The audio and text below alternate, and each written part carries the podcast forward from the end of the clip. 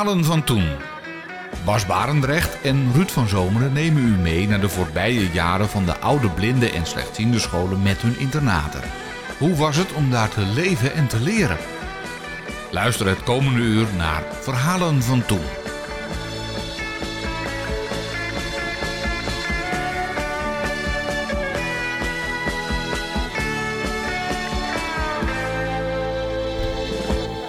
Hans Wensveen is zes jaar als hij in 1956 naar het Koninklijk Blindeninstituut in Bussum gaat. Hij is dan de eerste externe leerling. Dat wil zeggen, overdag gaat hij op het instituut naar school en s'avonds gewoon naar zijn ouders in Huizen. Die zijn namelijk speciaal voor Hans van Pijnakker naar Huizen in Noord-Holland verhuisd. Maar zo gemakkelijk gaat het allemaal niet, want de pedagogen en opvoeders van het Blindeninstituut vinden deze situatie ongewenst. Een blind kind zou beter permanent intern op het instituut moeten opgroeien. Dat is beter voor zijn ontwikkeling en zijn groei. Maar Hans' ouders houden vol en Hans wordt dus extern. Dat dat niet altijd even leuke situaties oplevert, hoor je het komend uur in zijn verhaal van toen. Luister naar Hans Wensveen.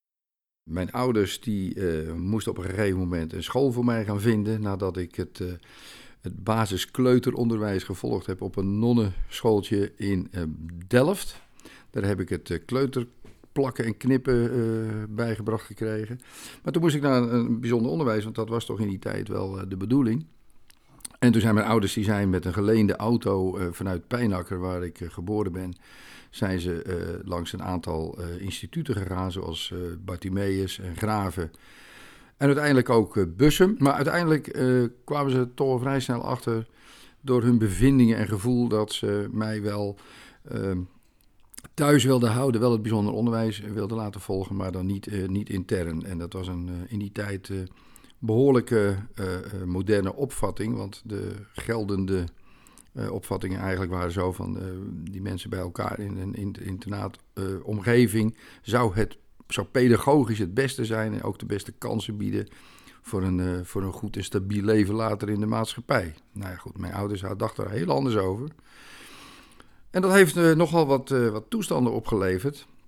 Weerstanden moet ik eigenlijk zeggen, omdat ja, het was een beetje tegen de geldende normen van die tijd. En dat kostte heel veel moeite om mij daar toch als externe leerling uh, in Bussum op school te krijgen. Mijn ouders die, zijn, waren behoorlijk traditioneel katholiek. En, maar goed, ik denk dat toch de, de, de, de sfeer en de indruk die ze hadden van het instituut in Graven... met al die, die jongens bij elkaar daar, dat, dat, dat sprak ze toch niet aan op de een of andere manier. En achteraf is ook gebleken dat de keus die ze gemaakt hebben echt de beste is geweest. En daar komen we ook nog wel op terug in mijn verhaal. Maar het is, het is wel zo geweest dat de, de basis bij die, bij die nonnenkleuterschool, om het maar te zeggen, voor mij ook in mijn herinnering nog steeds belangrijk is geweest. Dat ik, ik zat daar gewoon met, met ziende kinderen op school. En ik klungelde met die lijm net zoals dat zij deden. En ja, het, het, was bijna vanzelfsprekend dat, ik, dat ik eigenlijk thuis zou blijven in een, in een, in een omgeving met, met, met ja, hoe zou je het zeggen? Zoals, ja, wat toen, zoals je normaal opgroeit in een gezin. Zou maar zeggen. Dat was voor mijn ouders altijd wel een, een nou, bewuste keuze, wil ik niet eens zeggen. Het was zo gevoelsmatig iets. Het was zo dat als je in huizen wilde gaan wonen, om maar eens wat te noemen, dan, dat was een gereformeerde omgeving dan was het niet zo makkelijk om als uh, toen destijds, en dat klinkt heel gek misschien, maar om als katholiek gezin een fatsoenlijk huis te vinden, een koophuis. Dus mijn ouders werden ook nog eens een keer gedwongen om in de vrije sector te kopen. Dat was het enige haalbare om snel iets te, te, te realiseren qua woning. En ja, dat betekende dat mijn vader, dat, was, heette dan gewoon een gewone fabrieksarbeider was. Dat was hij niet, maar hij heeft zijn ze hebben een houden verkocht in Pijnakker en is uiteindelijk bij de Balatum-fabrieken gaan werken in de behangafdeling. Maar goed, uh, met een salaris wat je daar verdiende, kon je niet zo makkelijk een, een huis in huizen kopen. En dus moest hij uh, naast zijn gewone baan ook nog tennisbanen gaan vegen. En mijn moeder had een werkhuis. En de mensen hebben er erg veel voor over moeten hebben om mij, in ieder geval, of om ons gezin te vestigen in huis. En mij als externe leerling in Bussum te laten leren. Ik ik heb twee broers die geen, laten we zeggen, oogprobleem hebben. Dus ja, dus het was een gezin van met z'n vijfjes. Ondanks de problemen die zij hebben ondervonden en ik als kind ook. Hè, want dat, is, dat moet, mag, moet ook niet onvermeld blijven. Dat als je als eerste externe leerling op een, uh, op een school of in een omgeving komt waar het helemaal niet gebruikelijk is om, uh, om leerlingen te hebben die s'morgens van de bus af moeten worden gehaald en, en s'avonds of s middags weer om half vier op de bus moeten worden gezet om naar huis te gaan. Ja, dat vraagt natuurlijk ook van zo'n organisatie enige creativiteit. En er was gewoon weerstand. Dat, dat merkte je aan, uh, als kind al aan, een behoorlijk aantal dingen. Dat, uh, het was knokken geblazen. Niet alleen met de organisatie, maar ook met je medeleerlingen. Dat, je was een vreemde eend in de bijt. Om een voorbeeld te geven, ik, dat, dat blijf je bij als kind natuurlijk. Ik kan me nog heel goed herinneren dat op Koninginnedag was er toch altijd wel een feestje op het instituut. En er was er ook nog wel eens een plaatselijke drumband die daar over het schoolplein marcheerde. En dan liep, uh, liep iedereen gescherpt uh, daar Koninginnedag te vieren met zijn vlaggetje. En dan was het gebruikelijk dat je kreeg dan, als ik me goed herinner, een sinaasappel en een zakje met van die, uh, ja, sinaasappel snoepschijfjes, noemde ik het altijd maar. Maar ik was externe leerling, ja, en hoe gek het ook klinkt en hoe bizar het eigenlijk ook is, ik kreeg dat niet. Ik was een van de weinigen, of een van de weinigen, ik was de enige op dat moment die dat gewoon niet kreeg. Want dat, dat, ik, ik, was niet, ik hoorde niet op dat internaat. Ik was geen. Uh, ik moest met feestje thuis me vieren. Wat dus ook later wel gebeurde. Want dan ging ik smiddags naar, naar het feestje naar huis. En dan ging ik met mijn ouders gewoon dorp in. En dan hadden we daar gewoon uh, het Koninginnedagfeest. Maar dat zijn wel voorvallen die, uh, die, die geweest zijn. ander voorbeeld. Um, in de huisjes had je, uh, de, waren de, huisjes waar dan uh, gewoond werd door uh, groepjes van huisje 1 tot en met 6 geloof ik. En daar werd gegeten en geslapen en gewoond. En in de, tussen de middag dan werd er aan een lange tafel uit de gemellen opgeschept, uit die grote pannen.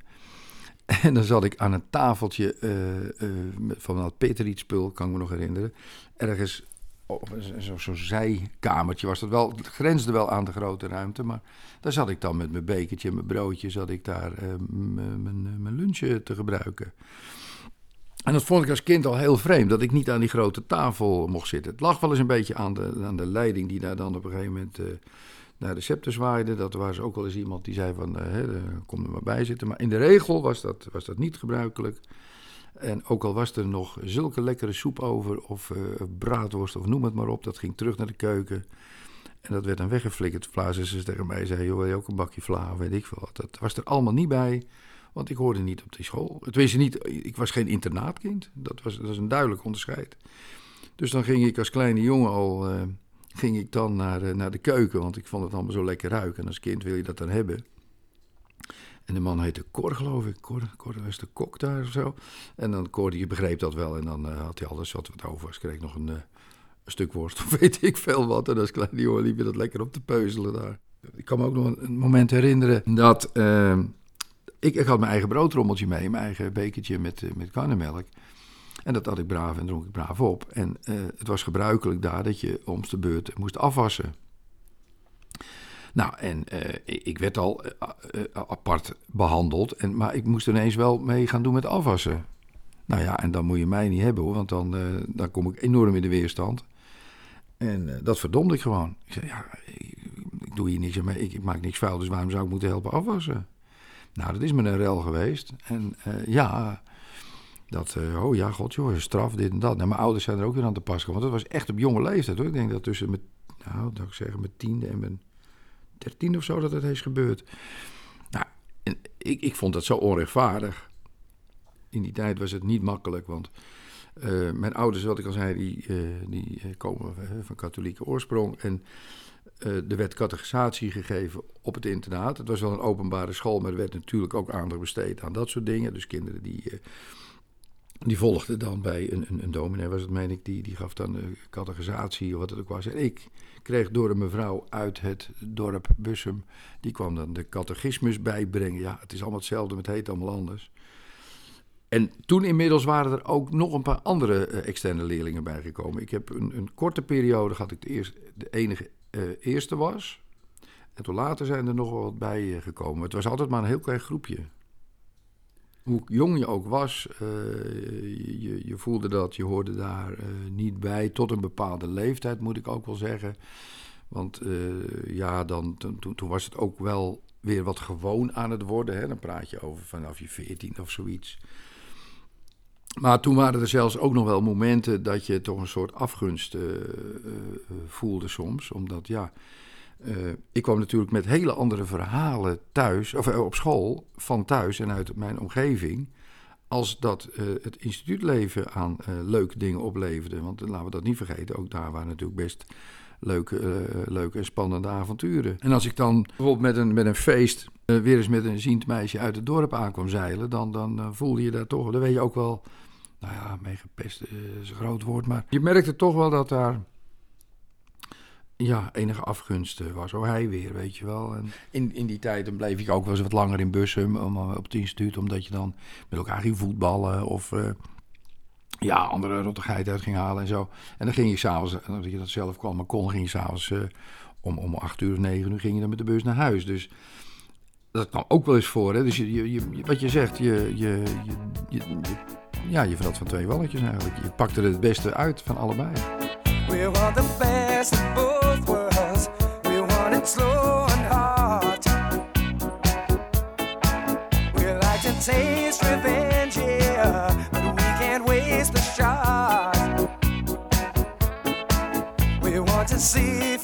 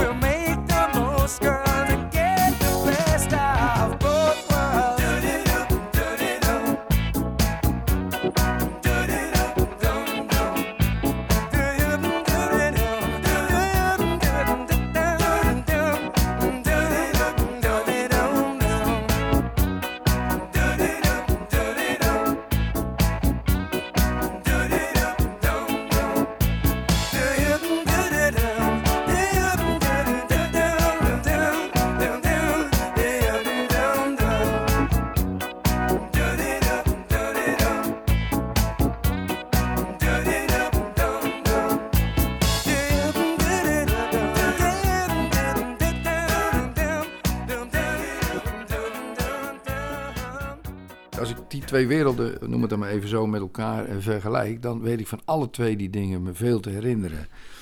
En als je het dan hebt over de thuissituatie, uh, dan uh, deed ik mee met de jongens uh, op straat. van peren pikken bij de buurman tot fikkie stoken op een pleintje ergens. autobanden en weet ik het allemaal. En later dansles, ook dansles vanuit met, met, met klasgenoten, want het was ook in Huizen toevallig, die dansschool. Maar ik kwam daar ook op zaterdagavond met vrienden uit het dorp. Dus ook op die plek dat was voor mij ook een beetje, nou ja, dubbel uh, klinkt dan zo. Maar ik kwam daar één keer in de week voor de dansles met, met, met school, zou ik maar zeggen. En op zaterdagavond was het gewoon vrij dansen. En dan ging ik met vrienden weer. En, en, en meisjes uit de, de straat uh, met een hele groep gingen daar ook weer feest vieren. Dus het was ook weer allebei, snap je? Ja, en als je nou heel eerlijk vraagt van uh, waar heb je dan, waar kan je het meeste vinger op leggen vanwege die uitzonderingspositie, dan is dat toch het instituut. Thuis viel dat niet op, zeker niet in het gezin. Ik speelde dezelfde, uh, ik had dezelfde verplichtingen, dingen en, en, als mijn broers. Er werd geen enkel onderscheid in gemaakt. Uh, goed, mijn moeder die volgde mij dan wel eens naar de bushalte toen ik voor het eerst ging reizen om te kijken of het allemaal goed ging. Maar zo heeft ze ook mijn, mijn andere broers wel gevolgd op een manier van uit zorgzaamheid van of dat allemaal wel goed ging. Dus dat, dat, dat verschilt niet zo erg veel van elkaar. En op, op straat met, die, met, de, met de maten, om het maar zo te zeggen, met je vrienden. Dat was zo vanzelfsprekend. Uh, aan brommers knutselen, aan, aan, aan uh, voetballen op straat heb ik meegedaan. En dan was een boom was een doel bijvoorbeeld. En dan werd er getorst altijd welke teams er samengesteld werden. En dan was ik bijna een van de eerste die gekozen werd. Want ik had, het, ik had het voorrecht, althans dat was de regel, ik hoefde niet bij die boom weg. En voor die andere keeper was het zo, dat de bal over de helft van het veldje was, van de straat, dan moest hij weg bij die boom. Nou, ik had het voordeel, ik hoefde dat niet. Dat was gewoon, dat was gewoon zo. Dat is niet eens allemaal besproken, maar dat was gewoon natuurlijk ontstaan. Dus ik was de beste keeper, want ik draaide wel om die boom heen en ik hield die bal er wel uit. Dat ging allemaal op gehoor natuurlijk. En de moeilijke tijd was uh, toen echt dat, uh, in het begin brommer knutselen ging nog wel, toen, werd het, uh, toen werden ze 16 echt. En toen, voor mijn beste vrienden uit die tijd, was het interessanter om een, om een leuk, leuk chickie achter op de brommer te hebben dan, dan, dan mij. Dus dat was wel een lastige periode, moet ik zeggen, tot mijn, uh, ja, tot mijn achttiende ongeveer. Ja, toen heb ik een beetje zelf mijn weg moeten vinden. En uh, dat was, nou, op het instituut was het dat niet helemaal. En het was ook thuis niet. Tenminste, in de thuissituatie, in mijn gezin wel, maar, mijn familie wel, maar niet op straat en zo. Dat was een beetje een moeilijke periode, als ik hem uh, moet aangeven, ja. Ja, ik denk dat het wel met mijn karakter te maken heeft. Gewoon uh, dingen zoeken die ik, uh, die ik dan wel uh, kon. En sommige niet eens heel goed. Maar ik, ik, had op een gegeven moment... misschien was dat ook wel een soort compensatie door mijn ouders. Ik kreeg ineens een, een elektronisch orgeltje thuis. En, want ja, je moet toch ook iets met muziek. En dat vond ik zelf ook wel trouwens. En toen had ik ineens had ik een, weer een paar mensen gevonden die dat ook leuk vond. Dus dan zat je ineens in een bandje, eh, jongens uit Laren. En het is nooit helemaal wat geworden, maar het was wel leuk oefenen met elkaar en pret maken. En dat, zulke dingen, weet je wel. Of uh, ik heb in die periode heel veel met mijn vader uh, gedaan. Fietsen en ja, allemaal dat soort dingen. Dus je zocht wel dingen binnen je mogelijkheden. maar het contact met school en straat was toen een beetje minder. Je moet natuurlijk bedenken dat als je tot je tiende uh, uh, was het heel gebruikelijk gewoon nou ja, naar school en na school weer naar huis. Dus had ik echt al mijn activiteiten thuis, hè, van knutselen in de garage met gereedschap van mijn vader, wat officieel niet mocht. Maar, want hij was heel zuinig op zijn spulletjes. maar goed, dan maakte je karren van oude kinderwagens en samen met mijn broer en mijn vrienden. En, dus dat speelde zich allemaal een beetje om, rond het huis af toen ik wat ouder werd, toen maakte je zelf natuurlijk die keuze van, ja, wat ik al zei, van nou, je gaat dus wat langer, uh, blijf je in Bussum hangen. En dan ging ik met een paar, mensen die dat ook leuk vonden, een paar jongens, gingen we voetballen op het voetbalveld, op het uh, sportveld, of in de zaal. Of we gingen knutselen aan skelters, was er nog maar een leidinggevende daar, of een, een, een hoe noem je dat, een groepsleider die die vond het zelf ook wel leuk, een beetje dat lassen en knoeien met brommetjes. En dan hebben we dat ook nog een periode gedaan. Dus dat deed ik daar weer mee. Dat, uh, dat is ook een hele leuke tijd geweest, kan ik me nog wel herinneren. Maar dat hele, uh, wat toen heel actueel was, dat centamateur gebeuren van de, van de klasgenoten. daar heb ik weinig van, van meegekregen. Ik, ik, ik, zag het wel en ik hoorde het wel, maar daar ben ik zelf niet zo actief uh, in geweest. Zoals de ringleiding die werd aangelegd van kamer naar kamer waar die jongens en de meiden woonden, eh, of die jongens ik voornamelijk. En er werd zo'n ringleiding aangelegd en dan konden ze met elkaar communiceren en over muziek en, praten en doen. Dat is voor mij natuurlijk een, een, een gepasseerd station geweest. Ik ging wel eens op bezoek bij iemand in zo'n kamer en dan zag je dat wel. En dan, maar ik nam er nooit echt actief deel, uh, deel aan. Uh, dan zou ik maar zeggen dat waar begon dat? Ja, ik denk bij een jaar of 14, 15 of zo. Ja, ik denk dat 13, ja, 13 misschien net nog niet. Ja, 14, dan hou dat maar aan. En dan, en dan uh, inderdaad uh, onder de vloeren kruipen van het ene gebouw naar het andere gebouw. Dat kon allemaal. En uh, ik kan me nog herinneren op een gegeven moment dat, dat met een heel groepje via via was een linker soep achteraf. Dat je er ineens boven op het. En het gymgebouw was hoog hoor, maar dat je ineens boven op het dak was, joh. en dan zat je daar met, met een man of vier, zat je boven op de nok van het dak. En dan, en dan hoorde je dat knisperende grind beneden, want er werd er wel naar je omgekeken. Nou zeg, dan weet je de ontdekken op het dak. Ja, jezus mina, ja, nou, dan was je gesnapt. En dan, uh, maar daar deed je wel aan mee, dat, uh, dat, dat soort dingen. Of uh, grote fikken maken op de vuilnisbelt. het was zo'n vuilnisbelt hadden ze nou voor het afval. Dat kon toen in die tijd nog. milieuregels waren niet zo scherp. Dus alles werd daar neergedonderd. En dan stak je de hens maar weer eens in. En dan niet te klein natuurlijk. Dat was... En met die, oh ja, wat ook nog leuk was, dat kon thuis niet. En dan maakte je dus een soort van keus. Uh, op een gegeven moment was het helemaal in uh, dat, je een, een, dat je een brommertje had. Een, Solex of iets anders. En daar knutselde hij ook een beetje aan. Want ik zat in die tijd ook op de, de LTS, de technische school. Dus daar leerde hij ook wel het een en het ander. En onder elkaar knutselde hij wat. En dan reed je dus met zo'n brommertje reed je dus over het instituutterrein.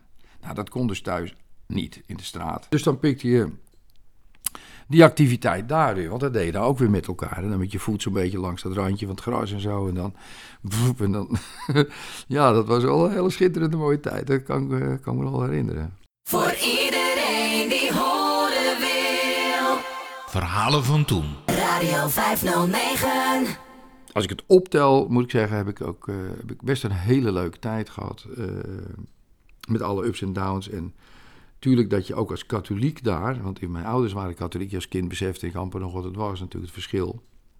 Maar ook daar werd ik als katholiek jongetje, uh, op jonge, jongere leeftijd praat ik erover later niet meer, maar op jonge leeftijd ben ik behoorlijk, uh, behoorlijk te grazen genomen ook wel hoor. Dat was echt, uh, was echt primitief eigenlijk wat er gebeurde. Nou, ten eerste werd, je, werd ik wel uitgescholden als katholiek. Er, was, er waren een paar die waren er heel sterk in. En het was zelfs op een gegeven moment zo dat Waar, waar later het sportveld is gekomen, dat was vroeger een groot bos. En, en met allemaal paadjes en uh, dat was een prachtig stuk terrein. Het lag daar natuurlijk schitterend, dat hele instituut. En uh, aan de Oude Rijkstraat. Hè. En toen werd ik meegenomen uh, door een paar van die mannetjes. En nooit alleen, het was een groepje van een man of zes, zeven. En ja, ik was katholiek, dus nou ja, wat is er met Jezus afgelopen gebeurd? Ja, die is gekruisigd. Dus dan hebben ze hem op een gegeven moment aan een boom gebonden. Ja, dat is echt gebeurd, hoor, wat ik nou vertel. En aan een boom gebonden. En, en, en uh, nou, daar moest ik dan maar een tijdje zo staan, want ik was, ik was katholiek. is echt gebeurd. En ja, toen... Uh, ja, natuurlijk. Ja, ik kom daar thuis zwaar overstuur natuurlijk. Dus mijn ouders moesten dan weer naar, uh, ja, naar het bevoegd gezag al daar. En ja, dat is natuurlijk ook weer zo'n rel geworden. Dus je... Ik zo zeggen, je viel wel op. Zeker in de beginnen. En ja, dat zijn dingen die hakken er wel in als kind zijnde. Dat kan me wel herinneren. Ik denk dat, uh, dat kinderen realiseren zich niet uh, dat, dat soort dingen. Ik woon hier tegenover een school. Nou ja, jongens, als ik af en toe hoor wat, wat, wat men daar uh, elkaar toedicht... En, en, en hoe men elkaar loopt te pesten... Dat, dat, doen kinderen, ja. Het, het, is erg maar waar. En je probeert daar wel een beetje lijn in te brengen. Kijk, als ik dat merk dat mijn eigen kinderen dat deden of doen... dan, dan corrigeer je daarin. Maar ja zeker op zo'n school waar toch een cultuur ontstaat en, en ook vrijheden uh, zijn. Hè, een groot terrein, uh, kinderen, zwerven daar wat overheen. en ja, de leiding heeft er natuurlijk ook niet. dat, is, dat, is, een heel groot gezin waar op gelet moet worden met, met 12, 13 kinderen in één zo'n huisje. Ja, geef het je te doen. Dus daar was helemaal geen, geen correctie of controle op. Dat werd niet gemerkt. Nee. Als je, of je moest aangeven, zoals mijn ouders wel gedaan hebben natuurlijk. Ja. Nee, die kinderen merkten dat niet. Als je, als het later, ik heb het wel eens over gehad later met, met de mede-oud-leerling. En die zei, ja, is dat echt waar? Heb je dat echt gedaan? Ik zei, ja, dat heb jij gedaan. En dat meen je niet. Nou ja, die, die kon het van zichzelf niet geloven. Ja, zo gaat dat. Ja, als je een uitzondering bent als kind, of je hebt een bril of een beugel, tegenwoordig is een beugel erg modern, maar goed, toen niet, dan ben je de Sjaak. Gewoon, dat is gewoon simpel. Ja. Je wordt er ook sterk van. Je, of, of je gaat er onderdoor. Ik denk dat dat ook gebeurde. Dat gebeurt ook in de normale maatschappij, of in de gewone wereld, noem het maar zo. Maar je kan er ook sterk van worden. Strijdbaar. Je gevoel voor rechtvaardigheid groeit ervan. En eh, ik merk wel dat ik dat, eh, ja, dat ik dat wel heb geleerd daar eh, in die omstandigheden. In conflicten die je allemaal meemaakt, of het nou je werk is of ergens anders, dan merk je wel dat, eh, dat dat sterk is ontwikkeld. En als ik dat terugredeneer, dan denk ik dat ook zeker die eh, situatie eh, waarin ik ben opgegroeid van thuis, het instituut, die combinatie, hier je plekje, daar je plekje moeten verwerven of, of, of, hebben, dat je daar wel heel erg in, in gegroeid bent. Dat, dat, ja, daar ben, ben ik ook wel erg blij mee eigenlijk. Je luistert nog steeds naar verhalen van toen. Ditmaal het verhaal van Hans Wensveen. En tijdens het gesprek brak er een flinke onweersbui los. Ik, vind het grappig als je nou over die tijd teruggaat. Hè, dan, dan, dan komen er zoveel dingen eigenlijk los. Omdat. ehm, ja, dat was, was een heel groot terrein, dat, dat, dat instituutterrein. Dat was echt mega groot. En eh, eh, wat er dan over was na de bouw van het sportveld, was, was best nog een stuk bos en zo. En als ik dan nou denk, er was daar ook een, een, een padvindershuis, hadden we daar. En eh, als ik daar nu aan denk, dan, dan, dan, dan ja, het klinkt raar, maar dan zie ik dat weer voor me. Met al dat hout en al dat, dat binnen, die geuren en zo. Daar heb ik dus ook aan deelgenomen als externe leerling. Ik ben ook nog heel kort padvinder geweest daar. En eh, niet zo lang als de rest, maar ik heb het wel eh, meegemaakt. een stukje met van die sjaaltjes om. Ik meen dat ze oranje van kleur waren, maar dat weet ik niet meer zeker. Maar dat was ook een briljante tijd met elkaar. Maar dat was, was je weer wat ouder. Hè? Dat was dat was in 14, 15, 16, zo, die, die tijd. Ja, dat was ook. Toen was het ook geen probleem dat ik externe leerling was. Dat, dat, dat, was, eh, dat vervaagde. Maar, maar toen werd er ook al, eh, laten we zeggen, vanuit het instituut werden er ook al. Nou ja, experimenten klinkt dan misschien niet goed, maar werden er ook al bijvoorbeeld leerlingen naar het, het geïntegreerde onderwijs in Bussum eh, begeleid. Hè? De, weet zo die naam van die school niet meer, maar die gingen er ook een aantal naartoe. Dus dat begon toen wel te groeien en te normaliseren. En dan praat je over een periode van eh, nou ja, nog geen tien jaar, waarin dus heel veel ook, eh, ook eh, veranderd is. Het, het aardige is ook dat op een gegeven moment zijn een aantal mensen op het idee gekomen om, een, om voor het vermaak en het vertier, want dat hoorde wel een beetje bij de tijd, om een, eh, om een ruimte voor, voor, voor ons te creëren waar je gewoon eh, nou ja, lekker feestje kon vieren. En dat noemden we de Bietkelder. En dat was onder het oude gebouw en eh, dat was een voormalig opslag van, een, van kolen. En dat is toen helemaal schoongemaakt en verbouwd en met kleden aan de muur. Echt, echt een bietkelder zoals het in die tijd eh, gebruikelijk was om in te richten met tonnetjes en banken langs de kant en een dansvloertje en een klein podiumpje waar de band dan weer eh, eh, speelde. De band ook samengesteld door mensen, mensen van het instituut dan natuurlijk. En een barretje en zo. En dat draaide je dan met elkaar. En ook daar heb ik als externe leerling eh mijn steentje bijgedragen. Ik heb diverse keren ook achter de bar gestaan. Ik was muzikaal toen niet genoeg om eh, mee in die band te doen, maar dat was echt fantastisch. En, als, en eh, toen was het ook zo om mensen in de gelegenheid te brengen om met, met ziende leeftijdsgenoten om te gaan. Werd het zo georganiseerd dat mensen van de scholen waar eh, eh, mensen vanuit het instituut aan regulier eh, onderwijs volgden, om die dan die avonden ook daar naartoe te, te, te trekken, om uit te nodigen om daar met de mensen van het instituut een feestje te vieren. En dat, dat is ook zeker wel gelukt. We hebben daar echt hele leuke avonden gehad met, met leerlingen van, van de Bussumse scholen of connecties die mensen inmiddels hadden gelegd via hun, hun klasgenoten op die scholen. Maar het was een briljante tijd, want eh, we draaiden die tent zelf en er was nauwelijks of geen toezicht. Dus alles eh, wat in die tijd eh, gebeurde, wat God verbood, zou ik maar zeggen, dat passeerde daar. Dus dat was een mooi stukje integratie en een prachtig stukje ontwikkeling voor, nou ja, zo- zoals ook mensen buiten het instituut dat beleefden aan, aan muziek en aan, aan met elkaar omgaan en noem maar op. Dan moest ik wel de laatste bus zien te halen, die ik ook wel eens miste. Ik ben, ook- wel eens naar huizen teruggelopen. En met iemand achter op de fiets verder gelift, dat kan ik me ook nog wel herinneren. Maar dat, dat, dat, was ook een briljante, briljante tijd die, ik, eh, die me herinnerde aan een hele leuke periode op het Blindeninstituut hoor. Ja.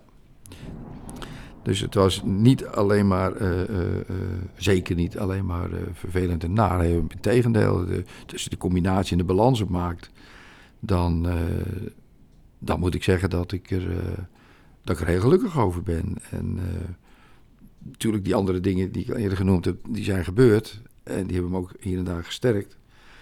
Dus kan je ook als winst zien. Maar dat het op dat moment minder leuk was, dat mag gezegd zijn. Maar als ik de, als ik de, de, de, som, eh, de optelsom moet maken, dan, eh, dan ben ik zo ongelooflijk blij met die combinatie eh, van thuis en het instituut. En de connecties die ik daar eh, had. En gek gezegd, na zoveel jaar nog steeds heb.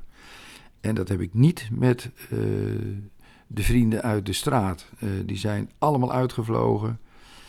Eh, ik, ik zou niet weten waar ze zijn. Er zijn natuurlijk moderne social media manieren om erachter te komen. Misschien moet ik dat een keer doen. Maar ik heb nog wel steeds contact met een aantal mensen van, vanuit de instituutperiode. Said the fight to make ends meet keeps a man up on his feet,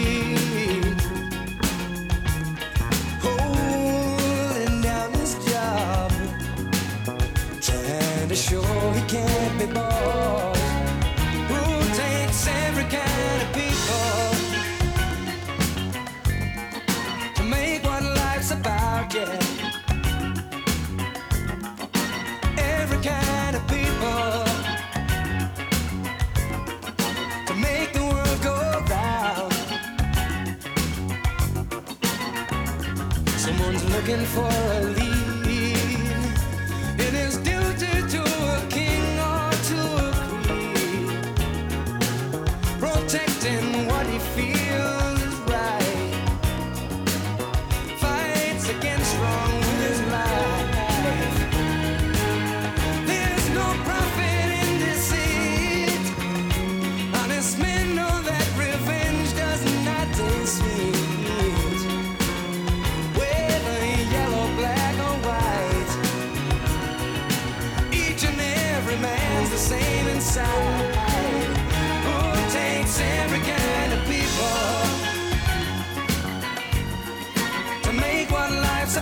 Yeah.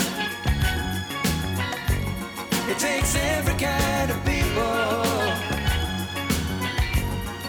to make the world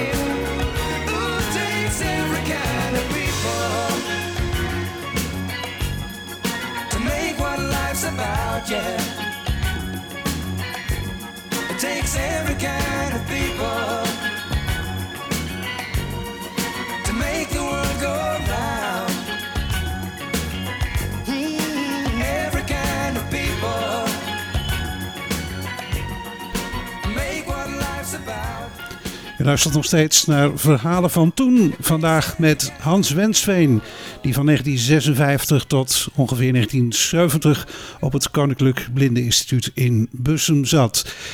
Ja, de hamvraag is natuurlijk van, heb je nou ook nog iets geleerd op dat instituut? Eh, ja, zeker wel. Eh, kijk, achteraf denk je er ook wel over na van wat, wat, wat zou ik nou anders gewild hebben dan, eh, dan wat ik gedaan heb. En dan is altijd mijn antwoord, ook als mensen me daarna vragen van, ik ben eigenlijk heel gelukkig geweest met deze combinatie. Eh, geïntegreerd onderwijs werd later in de laatste fase dat ik daar zat, werd wel wat mee eh, gedaan. Mensen gingen dan op wat wij dan noemden ziende scholen in Bussum.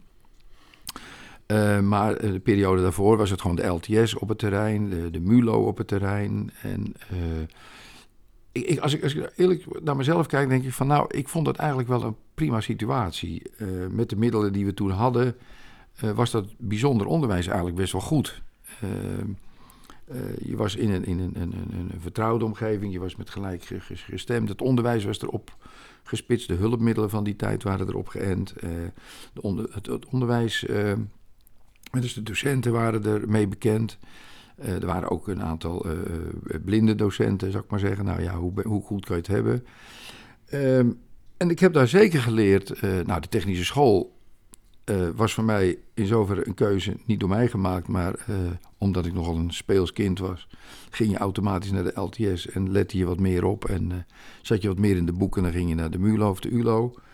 Dus die keuze was al van mij gemaakt dat ik ging naar de LTS. Heb ik geen spijt van. Ik heb er heel veel geleerd. Ik doe heel veel hier thuis aan, aan, aan reparaties en aan knutselen en aan eh, banden plakken en lichten vernieuwen en kabels trekken en noem maar op. Het is absoluut een technische school. We hebben daar, eh, eh, als ik erover praat, dan ruik ik de boorolie bij wijze van spreken nog. Het was een, een, een, een, gebouw met allemaal machinerieën erin, van freesmachines, boormachines, eh, zaagmachines, stellingen met ijzer, met gereedschap. eh, nou ja, alles wat je gewoon in een normale technische school ook tegenkomt. En ehm, ja, daar heb ik dus ehm, eh, vanaf het begin van ja, is voorzichtig leren boren en, en, en zagen en vrezen en noem het maar op. Maar ook de theorie achter alle metalen en de, de werking van systemen, de, de verschillende gereedschappen, het instellen van machines op de honderdste millimeter, want er was toen al wel gereedschap voor waar je dat mee kon. Dat was de manometer, heette dat ding. Nee, nee, de micrometer. En dat was met braille was dat, eh, was dat allemaal voorzien. En daar kon je dus echt een machine instellen met allerlei hulpmiddeltjes die een ziende ook gebruikt. Eh, om zo'n machine in te stellen, om een, bepaald schroefje te kunnen draaien of om een, eh, een, een, een, ja, moertje. Of we maakten zaklampjes bijvoorbeeld, om maar eens wat te noemen. Dat vind ik dan achteraf zo grappig dat je ehm, op een technische school voor, voor blinden eh, zaklampjes ging maken. Dat vond ik, achteraf vond ik dat zo grappig eigenlijk. Je kon nooit controleren of ze het wel deden, maar dat deden de meesten dan. En eh, aanstekers maakten we en eh, eh, bepaalde stoeltjes en dingetjes. Dus dat was echt wel een, een technische school waar je vanaf het eerste begin tot aan het product je, je ding deed. En met, met het, nogmaals de theorie erachter. En als ik terugga in, in dat soort herinneringen, het is werkelijk ongelooflijk soms. Dan weet ik nog precies, eh, als ik in gedachten door die lokalen loop, waar wat stond. Er stond bijvoorbeeld een, een, een, een, brommermotortje op een standaard. En als je daaraan draaide, eh, dan eh, kwam daar stroom op. Dus een nieuwe leerling of iets voor een grapje, dan deed dat wel eens. En dan kreeg hij een opblazer. Want dat was voor het vonkje voor het dynamo natuurlijk. Dus dat, dat, dat, soort dingen, dat was echt een fantastische tijd. Ik ben ook heel blij dat ik die school eh, doorlopen heb, die technische school. Ik heb er zoveel geleerd. Maar goed, ik wilde niet naar de schroevenfabriek in Hilversum, want dat was eigenlijk een soort eh, gebaand pad. Als je daar in de buurt woonde en je had de LTS gehad, dan, dan werd er van je verwacht dat je wel met je LTS-diplomaatje aan de revolverbank, draaimachine, in de schroevenfabriek in Hilversum ging werken. Nou, en ik zag dat helemaal niet zitten. Uh, mijn ouders vonden me daar ook toch niet helemaal geschikt voor. En toen heb ik een, uh, nog een telefonieopleiding uh, gevolgd. Een soort algemene kantooropleiding, noem het dan maar zo. En ik wilde ook heel graag, omdat ik ambities had, mijn middenstandsdiploma gaan halen. Nou, daar ben ik mee begonnen. Hè, dus ik heb die, die telefonie geleerd. Daar was een heel verhaal. Heb stage geweest. En, ook daar merkte ik wel weer door de weerstand die ik opriep, omdat ik niet naar die schroevenfabriek wilde en mijn eigen pad maakte, uh, daar was men ook niet zo aan gewend. En, uh, wat voor een ander normaal was één keer op stage na een half jaar, was voor mij eh, na drie maanden eh, twee keer achter elkaar op stage. Met in mijn beleving achteraf de bedoeling, het zal toch wel misgaan, dus hebben we gelijk en is die niet geschikt voor. Nou, dat is allemaal prima gelopen. En, eh, ehm, maar goed, ook het middenstandsdiploma mocht ik niet afmaken toen mijn vader eenmaal een baan voor me gevonden had. En, eh, want eh, je merkte nog steeds dat eh, die Wensveen, dat was toch een, een, een, ja, een, beetje een apart mannetje. Hij was al als externe leerling begonnen. Hij beantwoordde niet aan, aan de verwachtingen van, hè, van naar die schroevenfabriek te gaan. Hij wilde telefonist worden oh, in beginsel. Eh ja, was ook niet helemaal de bedoeling. En eh, uiteindelijk was er een baan op de fabriek van mijn vader, notabene. En eh, die had mijn vader aangekaart en in mijn, voor mij bedoeld.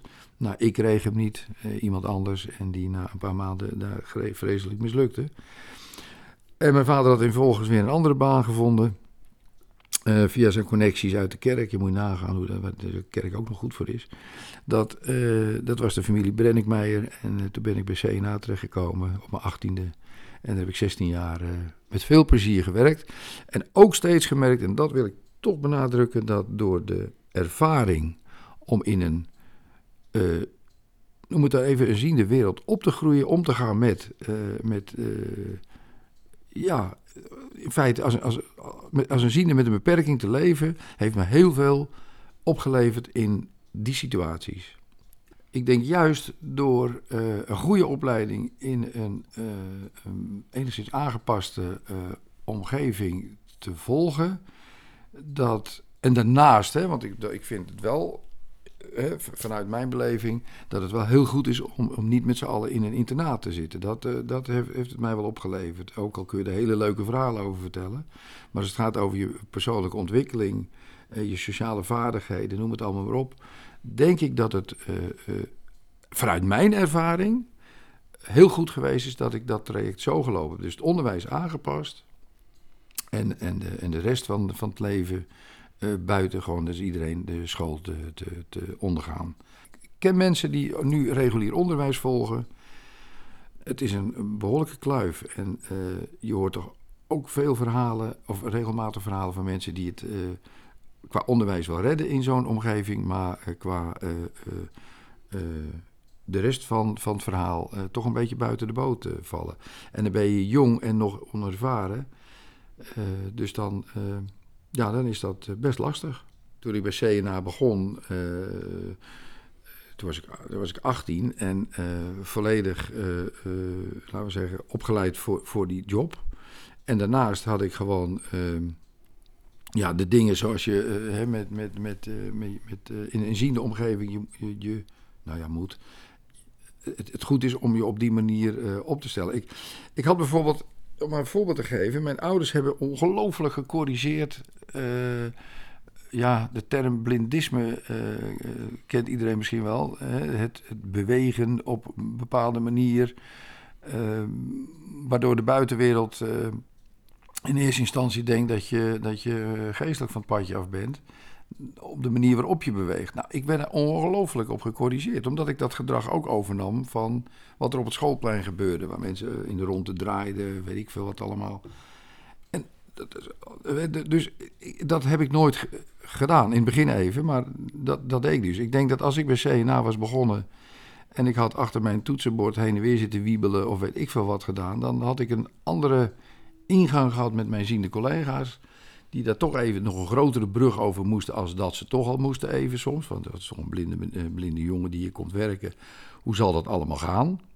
Nou, dat was snel gefixt. Maar als ik dat gedrag er ook nog eens een keer bij vertoond had, dan had, dat, had je toch een andere indruk achtergelaten. Het waren allemaal mensen die opnieuw begonnen daar. Het was een nieuw pand. Dus eh, ik was nieuw, het pand was nieuw, alle collega's waren nieuw. Dat is zo normaal, natuurlijk gegaan. Dat, eh, men vond het ook leuk. Eh, ja, goed, je maakte, je maakte wat grappen. Je, je, je, je, deed wat alles. Je kwam ook zelfstandig met de, met de tram en de, In de trein kwam ik naar mijn werk toe. Dat vonden ze al. eh God, daar vroegen ze ook wel dingen over. Dus gaandeweg, gewoon in hele normale gesprekken, eh, is dat gewoon gegroeid eigenlijk. Zoals alle collega's met elkaar kennis moesten maken. In het begin ik de gekste dingen meegemaakt. Dat, ik, heb, ik heb daar nog zulke leuke herinneringen aan. Het is, ik heb me daar nooit vervelend gevoeld. Echt niet. Het was. eh, ik weet nog wel heel goed, dat was op een gegeven moment een, eh, een etalageafdeling die boven ons zat. Dat was ook eh, van Zena. En toen werden er op een gegeven moment van die etalagepoppen gebracht.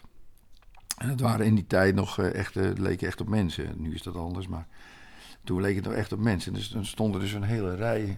Zo'n leverancier kwam dan en die zette zo'n hele rij van die, van, die, van die poppen in de hal waar ik dan de receptie deed. Dus er stonden allemaal blote mevrouwen, eh, poppen dus. En wist ik dat, joh. Dus ik, eh, ik eh, belde boven toe en eh, nou ja, komen ze die zooi ophalen. Maar één hadden ze achtergehouden, die hadden ze naast me neergezet met een sigaret in de mond en een... Nou, dat zag er heel, heel uitnodigend. Een of ander shirtje aan. En dat stond naast me. En ik wist het helemaal niet. Ik, ik, ik had het niet gemerkt. Ik had met die mensen ook al heel leuk contact. En op een gegeven moment komt er een vertegenwoordiger van Verf. En die komt bij mijn balie en die ligt meteen in een deuk. Ligt heel flauw over die balie. En ik reageerde niet op, op wat hij deed. Dus die zegt van, weet u wel, ja, wat, is, wat is er aan de hand? En hij zegt, ja, maar weet, weet u niet wat, wat er naast u staat? En ik zeg, wel nee. Dus ik, ja, maar ik, ben blind, ik kan, het, ik kan het niet zien. Nou, die vent die kwam niet meer bij. Stond die pop zo naast me. En, dat soort gein, weet je wel. En we zagen natuurlijk dat ik daar verschrikkelijk de humor van inzag. Dus eh, eh, eh, voor hun was het ook een, een, een, een, een makkelijke manier om om te gaan met mijn eh, nou ja, handicap, zeg maar. Dus dat was gewoon een, een, een spel en, en, en leuk. En ik deed bij hun ook wel dingen. En eh, nee, ik heb dat nooit als een hindernis ervaren. Nooit. Voor iedereen die horen wil. Verhalen van toen. Radio 509. Een heikel punt in de jaren 60 en de vroege jaren 70 was de informatie over seksualiteit en relaties, laten we het zo maar noemen. Hans constateerde dat en hij richtte het eerste seksblad voor blinden en slechtzienden op. Voelhoren. Eh, ja, voorlichting op dat punt was er natuurlijk niet in die tijd, in die mate. En een, een boekje van dokter Hesseling ga ik me nog herinneren, wat ook niet veel vertelde. Maar goed, dat was dan het enige wat er was in mijn beleving. Maar goed, eh, die biedkelder, oké, eh, dat was, was allemaal prima. En eh, in- mijn eh, thuissituatie eh, kwam dat ook wel voor, dat je daar een, een, een, een buurmeisje of weet ik veel wat meenam naar een dancing. Of, of gewoon op een andere manier kennis mee maakte. Dus die, zoektocht, die, die, die- dat ging wel. Alleen, wat toen ik ging werken op mijn achttiende, toen dan kom je dus volledig in een, in een, in een, ziende omgeving terecht. Hè. Was, ik was echt de enige natuurlijk die daar niet, eh, niet kon eh, kijken. En toen eh, viel het mij al op, eh, dat was een van de eerste dingen die schrijnend opvielen, dat toen ik eh, met een aantal chauffeurs, want ik zat in een distributieomgeving, chauffeurs zat te lunchen. Toen ging het eh, bijna, eh, nou ja, alleen maar wil ik niet zeggen, maar toch vaak over seksboekjes en zo. En daar werd wel heel spannend over gedaan. En ik, wist bij god niet, dat was totaal aan me voorbij gegaan. Mijn ouders waren daar niet van. eh, mijn broers heb ik er ook nooit over gehoord. Eh, gek genoeg. Mijn vrienden in die tijd ook niet eh, of zo. Maar kennelijk was het toch iets wat, wat leefde of zo, wat er was. En, en ik ben- ik ben er eens over na gaan denken en ik hoorde er wel eens wat van. Ik denk, ja, het is toch raar dat, dat, dat wij op het instituut of zo hè, daar helemaal niet, niet, niet iets van gehoord hebben of zo. Dat dat, dat signaal nooit is doorgekomen. Dus ik denk, weet je wat, of je nou wil lezen of niet wil lezen. Ik vind de keuze moet je in ieder geval hebben. Om het, eh, om het wel of niet te hebben. Dus toen heb ik het stoutmoedige plan opgevat. om een seksblad op te, op te richten voor blinden en slechtzienden. Zowel in braille als in eh, gesproken vorm. Nou ja, dat doe je niet in je eentje. Dus ik heb daar eh, een advertentie voor gezet. Ik heb daar redactieleden om me heen gevormd. Waaronder een aantal bekende Nederlanders. Of tenminste, eh, eh, eh, ik heb daar contact gehad. De man niet meer. Willem Ruis bijvoorbeeld, van de VARA. Heb ik contact. Theo Stokman heeft er een rol in gespeeld. Chef Rademaker. Nou, nog een paar van die konuiten. En ik kreeg, ik kreeg dus ook contact met allerlei uitgevers van die blaadjes. Want ik moest mijn kopij zien te vinden. Dus met grote jongens uit de porno-industrie, noem het maar zo, heb ik dus connecties moeten leggen om aan mijn materiaal te komen. En aan mijn informatie en interviews en noem het maar op. Nou, ik heb met, eh, met Jan Baleman, eh, hij rustte in vrede, heb ik eh, de redactie gevormd met al die mensen om me heen. En heel veel weerstand ontdekt in, eh, bij uitgevers van braille en gesproken bladen. Die wilden het in eerste instantie niet maken. Nee, zeker niet. En, eh, nee.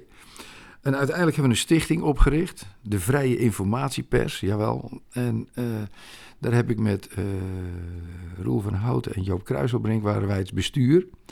En toen hebben we eh, gewoon zelfstandig dat blad uitgegeven met subsidie van allerlei stichtingen die we benaderd hadden. Dus wij gaven gewoon opdracht aan Den Haag en Graven om het te produceren. Ja, nou ja, er moest er toch heel veel gebeuren als ze dat niet hadden gewild, want dan hadden we een probleem gehad. Maar goed, dat is allemaal gebeurd. En ehm, dat blad, dat heette De Voelhoorn. Eh, je kon het voelen en je kon het horen. En ja, we vonden dat voelhoren vonden we wel leuk. En dat blad werd uitgegeven en kwam dus ook op een gegeven moment eh, in Bussum terecht. Bij de toenmalige leerling. Ik was daar weg inmiddels. Maar ja, dat, dat blad dat zijpelde ook door het instituut. Nou, dat, eh, dat heeft heel wat voet in de aarde gehad, want eh, dat was een verboden, was verboden lectuur. Ja, moet je nagaan. Dan praat je over 1969, 1970, zoiets. Ja, 70 zal het geweest zijn. Dat, dat was wel een grappige, dat het was, het was een verboden, eh, min of meer verboden blad in het Bussumse. En ik denk ook op andere internaten. Ehm, we kregen wel veel input van blinden en slechtzienden eh, op dit onderwerp. Dus over de informatievoorziening. eh, er waren heel veel vragen. Er bleek ontzettend veel onwetendheid eh, te zijn op gebied van de eh, voorbroedsmiddelen. Dus, dus de voorlichtingskant, er bleek echt behoefte aan te zijn. Er was toen op de markt ook al voor alles en nog wat te koop. Tegenwoordig krijg je bijna bij een pak melk. Maar goed, toen, toen moest je nog bestellen. En in seksshops en weet ik veel. Maar dat was allemaal onbekend terrein. Voor mij ook hoor. Ik, ik heb heel veel eh, door interviews te houden bij mensen. En, en bij, eh, ik ben ooit eens bij een bordeel geweest. Om daar eens te vragen van god, eh, zo'n mevrouw van... hoe ben je naartoe gekomen en hoe is dat nou dit leven? Dat heb ik ook nog gedaan. Dus voor mij was het ook een ontdekkingsreis. Wel een verdomde leuke. En dat, heeft, dat heeft heel lang bestaan, het blad. Het is later anders gaan heten. En ik geloof nu dat het nog in een iets andere vorm bestaat. En heet het Mensenleven, geloof ik. In ieder geval, het gaat nog wel steeds over die onderwerpen. Het is wat, wat, wat, wat dieper gegaan in, eh, in de materie. Het gaat over relaties en eh, seksualiteit.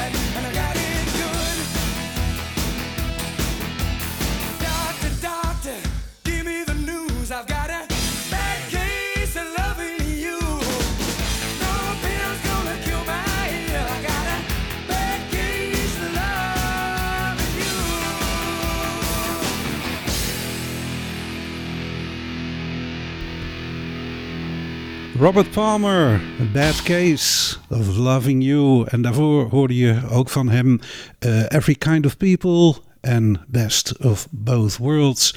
En hiermee zijn we gekomen aan uh, het einde van deze aflevering van Verhalen van Toen. Met grote dank aan Hans Wensveen voor zijn leuke en spontane verhaal. Tot de volgende keer. Dag. Verhalen van Toen is een programma van Bas Barendrecht, Ruud van Zomeren en Emiel Cornelissen.